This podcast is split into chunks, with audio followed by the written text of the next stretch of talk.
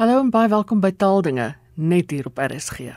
Vandag sit ons die skoolgrammatika reeks oor woordsoorte voort. My gas is oudergewoonte Viva se taaladviseur Sofia Kap en ons praat oor bywoorde. Sofia, ek vermoed die meeste luisteraars se definisie van 'n bywoord is dis 'n woord wat 'n werkwoord beskryf. Maar ek sien in die grammatika op, op Viva se webblad, julle definisie daarvoor is baie meer omvattend. Is daardie definisie wat ons almal ken dan nou verkeerd? Nee, dit is nie verkeerd nie, maar dit is onvolledig. Jy weet dit is as jy, jy onthou mos daai 'n uh, belofte of onderneming wat 'n mens moet aflê as jy getuig in die hof die waarheid, die hele waarheid en niks anders behalwe die waarheid nie. Die die die bywoord wat 'n werkwoord beskryf is net die waarheid, maar dit is nie die hele waarheid nie. Ah. Want bywoorde kan ook ander woorde beskryf. Ehm um, as as ons 'n voorbeeld het soos uh, hy hardloop vinnig. Wade van die kerk hardloop vinnig. Dan is hardloop 'n werkwoord en vinnig is hoe Wade hardloop en dan is dit 'n bywoord maar 'n mens kan ook bywoorde gebruik om om 'n uh, adjektief of 'n byvoeglike naam te 'n ander naam daarvoor te beskryf as jy iets het soos hy hardloop besonder vinnig. Dan is daai besonder is 'n uh, nee nee as jy sê hy is vinnig, dan is daai vinnige adjektief en as jy dan sê hy is besonder vinnig, dan is daai besonder is dan die bywoord waarmee jy die adjektief beskryf. En 'n mens kan 'n bywoord gebruik om om 'n voorsetsel te beskryf. As jy sê ehm um, ons ons jy weet die, die maatskappy boer besonder naby aan die huis, dan is naby 'n voorsetsel of besonder naby die huis dan is naby 'n voorsetsel en uh besonder is dan jou bywoord. So die die definisie maak voorsiening vir die feit dat bywoorde meer doen as net uh, werkwoorde beskryf. En die maklikste manier om om dit gewoonlik vir skoolkinders te verduidelik is om is om vir hulle te verwys na die bywoorde wat ontken. Mm. As 'n mens 'n uh, woord het soos nooit of nie of nêrens in jou sin, daai daai eerste ontkenningswoord is 'n bywoord en dit doen nie jy weet dit doen niks vir die werkwoord nie, dit dit maak die sin ontkennend. So dit is gewoonlik die, die maklikste manier waarop mense kind kan oortuig dat dat bywoorde meer doen as net werkwoorde beskryf. Nou, dis ook redelik algemeen om byvoorbeeld in skoolwerk te verwys na 'n bywoord van tyd of 'n bywoord van graad. Ek sien julle deel bywoorde in Viva se grammatika ook heeltemal anders in. Op grond waarvan het julle hierdie verskillende soorte bywoorde dan nou geïdentifiseer? Kom ons net een tree terug, ehm um, net om te verduidelik hoe hoe die vurk in die hef steek by Viva se grammatika. Ons het nie die werk wat reeds in Afrikaans gedoen is en steeds gedoen word geïgnoreer nie, maar die oogmerk van die grammatika was om 'n grammatika vir Afrikaans te skryf wat in ooreenstemming is met internasionale navorsing. Met ander woorde met navorsing wat vir ander tale gedoen word en wat in ander tale se grammatikas geskryf word. En die beginsel is eintlik dat 'n mens as jy definieer wat 'n wat 'n woordsoort is, as jy 'n naamwoord of 'n bywoord definieer, dan is daai definisie vir Afrikaans en vir Engels en vir Tamil en vir Zulu en is dieselfde want 'n bywoord is 'n bywoord. Die bywoorde wat ons in Afrikaans het is anders as die bywoorde as wat ons in Engels het, met, maar wat 'n bywoord is, is dieselfde. So dit wat ons in die grammatika ingeskryf het, is wat internasionaal aanvaar word as die norm. Hmm. Jy weet, dit is die definisie en internasionaal word bywoorde op 'n bepaalde manier geklassifiseer. Jy weet die, die onder die soorte bywoorde word op 'n bepaalde manier geklassifiseer en ons het in die grammatika daardie internasionale indeling gevolg om die beskrywing van Afrikaanse grammatika in ooreenstemming te bring met wat daar vir ander tale gepubliseer word. En as 'n mens so 'n indeling maak, uh, as 'n mens woordsoorte begin identifiseer, dan is die ding wat jy gebruik, die eienskappe van die woord wat jy gebruik om om die indeling te maak, is primêr die morfologiese en die sintaktiese eienskappe van die woord, nie primêr die betekenis nie. En onderwysers gaan nou dadelik weet waarvan ek praat as ek sê dit is baie keer baie moeilik om te besluit of 'n bywoord 'n bywoord van graad is of 'n bywoord van wyse of 'n bywoord van wat ook al want bywoord van graad en bywoord van wyse gebruik betekenis. Jy weet ja. as jy sê iemand is iemand is baie mooi. Daai baie as jy sê dit is 'n bywoord van graad dan gaan dit oor wat baie beteken. En omdat betekenis so 'n moeilike ding is om vas te vang, is dit baie keer moeilik om te besluit wat se soort bywoord dit is. Jy weet as jy daai indeling volg. Daardie sê ek nie dis nie geldig nie. Ek sê net dit werk nie altyd nie. Want wat maak jy byvoorbeeld nou met 'n ontkenningsbywoord? Ja. Jy weet is dis 'n dis 'n dis 'n bywoord van ontkenning, maar dit pas nie by graadwyse tydplek wat ook al in nie. So die die indeling wat ons gebruik het is nou maar net bietjie meer sal ek sê taalkundig verantwoord. Nou kom ons praat bietjie oor hierdie soorte. Ek sien daar word verwys na egte bywoorde. Wat is hulle eienskappe? Egte bywoorde is soos wat mense nou uit die naam kan aflei, dit is dit is die woorde wat eintlik eintlik eintlik in hulle wese net bywoorde kan wees. En dit is woorde wat nie verbuig nie en en die ander eienskap wat hulle het is dat dit maklik is om hulle uitsinne uitweg te laat. En dit is maar 'n ding wat 'n mens kan onthou vir bywoorde oor die algemeen is dat 'n mens dit uit 'n sin kan weglaat. En as ek dit sê dan bedoel ek 'n mens kan dit uit die sin weglaat en nog steeds met 'n grammatikale sin bly sit. As jy uh jy, jy gaan dan die betekenis verander uiteraard maar sê net maar 'n mens het 'n sin soos ek sal hierdie werk môre doen. En jy jy daai bywoord môre want dit is mos geen mos nou vir jou aanduiding ja. van tyd. As jy hom uit die sin weglaat dan staan daar ek sal hierdie werk doen en dit sê effens 'n ander betekenis maar dit is nog steeds 'n sin dit is nog steeds 'n grammatikale konstruksie in Afrikaans. Nou dit dis egte bywoorde. Is as hulle daai eienskappe het, dan dan is hulle egte by, bywoorde. Hulle kan nie verbuig nie en hulle in 'n mens kan hulle maklik uit die sin weglaat. Nou julle identifiseer ook sogenaamde adjektiewe bywoorde. Wat is dan die verskil tussen sulke bywoorde en byvoeglike naamwoorde waaroor ons onlangs gepraat het? Dis daai voorbeeld wat ek reg aan die begin gegee het van Wade van die kerk hardloop vinnig en Wade van die kerk is vinnig. Hmm uh onthou het ons gepraat het oor adjektiewe of byvoeglike naamwoorde het ons gesê een van die toetse vir adjektiewe is dat hulle predikatief kan ge, gebruik kan word. Jy het 'n vinnige atleet en die atleet is vinnig. So daai vinnig is 'n adjektief want hy kan daarna daai is gaan staan. Wade van die kerk is vinnig, dan is vinnig 'n adjektief, maar as jy sê Wade van die kerk hardloop vinnig, dan is jy besig om die hardloop te beskryf en nie vir Wade nie. Wade van die kerk is vinnig, beskryf jy vir Wade. As jy sê Wade van die kerk hardloop vinnig en beskryf die hardloop. En daai daai woorde wat so as adjektiewe of bywoorde kan optree afhangende van hoe jy hulle in die sin aanwend. Dis adjektiewe bywoorde en daai bywoorde kan ook trappe van vergelyking neem. So hulle hulle deel sekere eienskappe met met adjektiewe en en op grond daarvan noem ons hulle adjektiewe bywoorde. Nou twee van die soorte het my nogal opgeval omdat ek vermoed dit word nie op skool so ingedeel nie. Die eerste is voegwoordelike bywoorde. Hoekom klassifiseer julle dit as bywoorde en nie as voegwoorde nie? Dis nogal een waaroor ek dink vir al die tweede taal onderwysers vir ons vies gaan wees. Maar goed, mense kan mens moet nou maar oor vies wees en dan moet mense dit aanvaar want dit is jy weet dit is dit is op navorsing gebaseer. Dit is in in tweede taal handboeke kry mense sulke tabelle en dan staan daar uh, groep 1 voegwoorde, groep 2 voegwoorde en groep 3 voegwoorde. Groep 1 voegwoorde is gewoonlik jou neerskikkende voegwoorde en die groep 3 is onderskikkend en dan is die groep 2 voegwoorde is hierdie spulletjie. Dit is woorde soos nietemin, nogtans, daarom, derhalwe, trouens, dus, tog, dan sulke woorde is bywoorde want uh as 'n mens die sinne uitmekaar het al dan bly daai woorde deel van die sin. As jy sê jy net maar ehm um, Wade is moeg, nogtans hardloop hy vinnig, dan is dit jy weet dit mens het nou alles een sin en daai ja. nogtans staan nie in die middel van die twee met die kommaatjie voor. As jy daai twee sinne uitmekaar het al, jy maak van hulle hoofsinne. Wade van die kerk is moeg. Punt. Hy hardloop nogtans vinnig. Punt daai nogtans bly deel van die sin. Voegwoorde se eienskap is dat hulle wegval as jy die twee sinne uitmekaar uit, want hulle enigste werk is om die twee sinne aan mekaar te plak.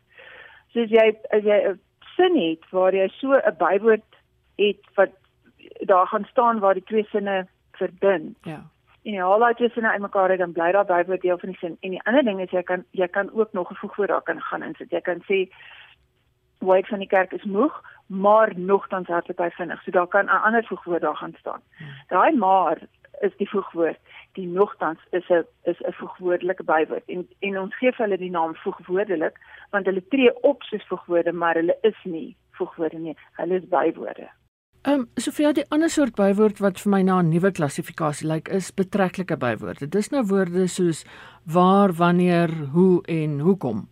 Is dit dan nie eintlik betrekkelike voornaamwoorde nie? Die betrekkelike voornaamwoorde in Afrikaans is wie en wat.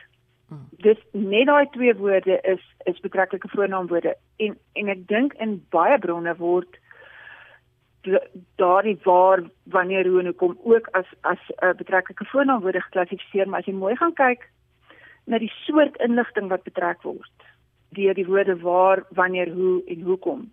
Dit is dit is tyd wyse en graad wat daar gevra word so dit is tipies by woordelike inligting wat betrek word en dit is dit is waar daar by woordelike betrekking woorde vandaan kom ehm um, dit dit tree presies dieselfde op as 'n betrekkelike voornaamwoord, so 'n betrek, dis 'n dis 'n van 'n voor wat 'n antecedent betrek, maar die soort inligting wat uit die hoofsin betrek word is behoorlik en nie naamwoordelik nie. Daarom kan dit nie 'n voornaamwoord wees nie. Daarom moet dit 'n bywoord wees.